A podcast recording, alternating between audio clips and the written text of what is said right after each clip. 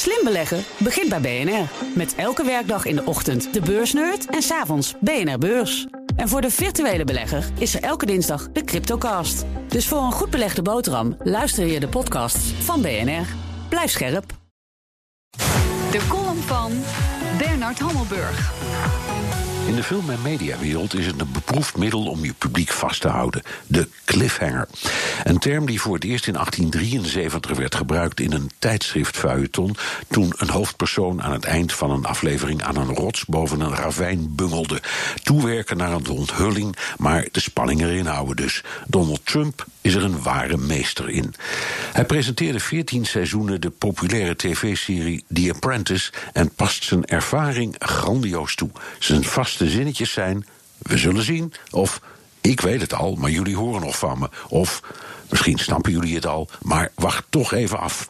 En we gaan er met boter en suiker in. Neem de deadline over de Iran-deal. Trump heeft al lang besloten dat hij een deel van de sancties opnieuw invoert. Waarom zegt hij dat niet gewoon nu al?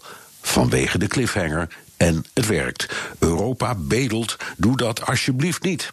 Israël bedelt, doe dat alsjeblieft wel. Premier Netanyahu kwam zelfs met een tv-show. Zouden Europa en Israël denken dat ze Trump kunnen beïnvloeden? Houd toch op, dat is een illusie.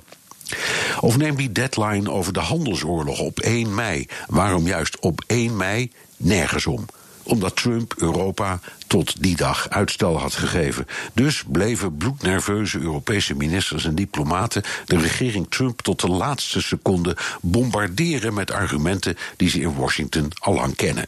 Een handelsoorlog kent alleen maar verliezers. Ze kunnen in Amerika helemaal niet buiten ons fantastische staal en aluminium. Afijn, oude koek. Vervolgens stelt Trump de deadline met een maand uit. Waarom? Nergens om. Nieuwe cliffhanger. Blije Europeanen, hè?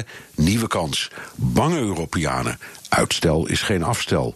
Niemand in Europa die zegt: Weet je wat, Trump, ga lekker je gang. Wat kan ons gebeuren? Wat meer invoerrechten? Nou en. Het omgekeerde hoor je nooit. Zegt Trump: nog één woord over dat staal en KLM, TUI en Transavia stappen op 1 juni helemaal over van Boeing op Airbus. Scheelt ons trouwens een hoop invoerrechten. Staat het al voor 100% vast? We zullen zien, Trump. We zullen zien. Dat zei Bernard Hammelburg, onze buitenlandcommentator, woensdags columnist. En u kunt uw column terugluisteren op eh, bnr.nl. En uiteraard in de BNR-app.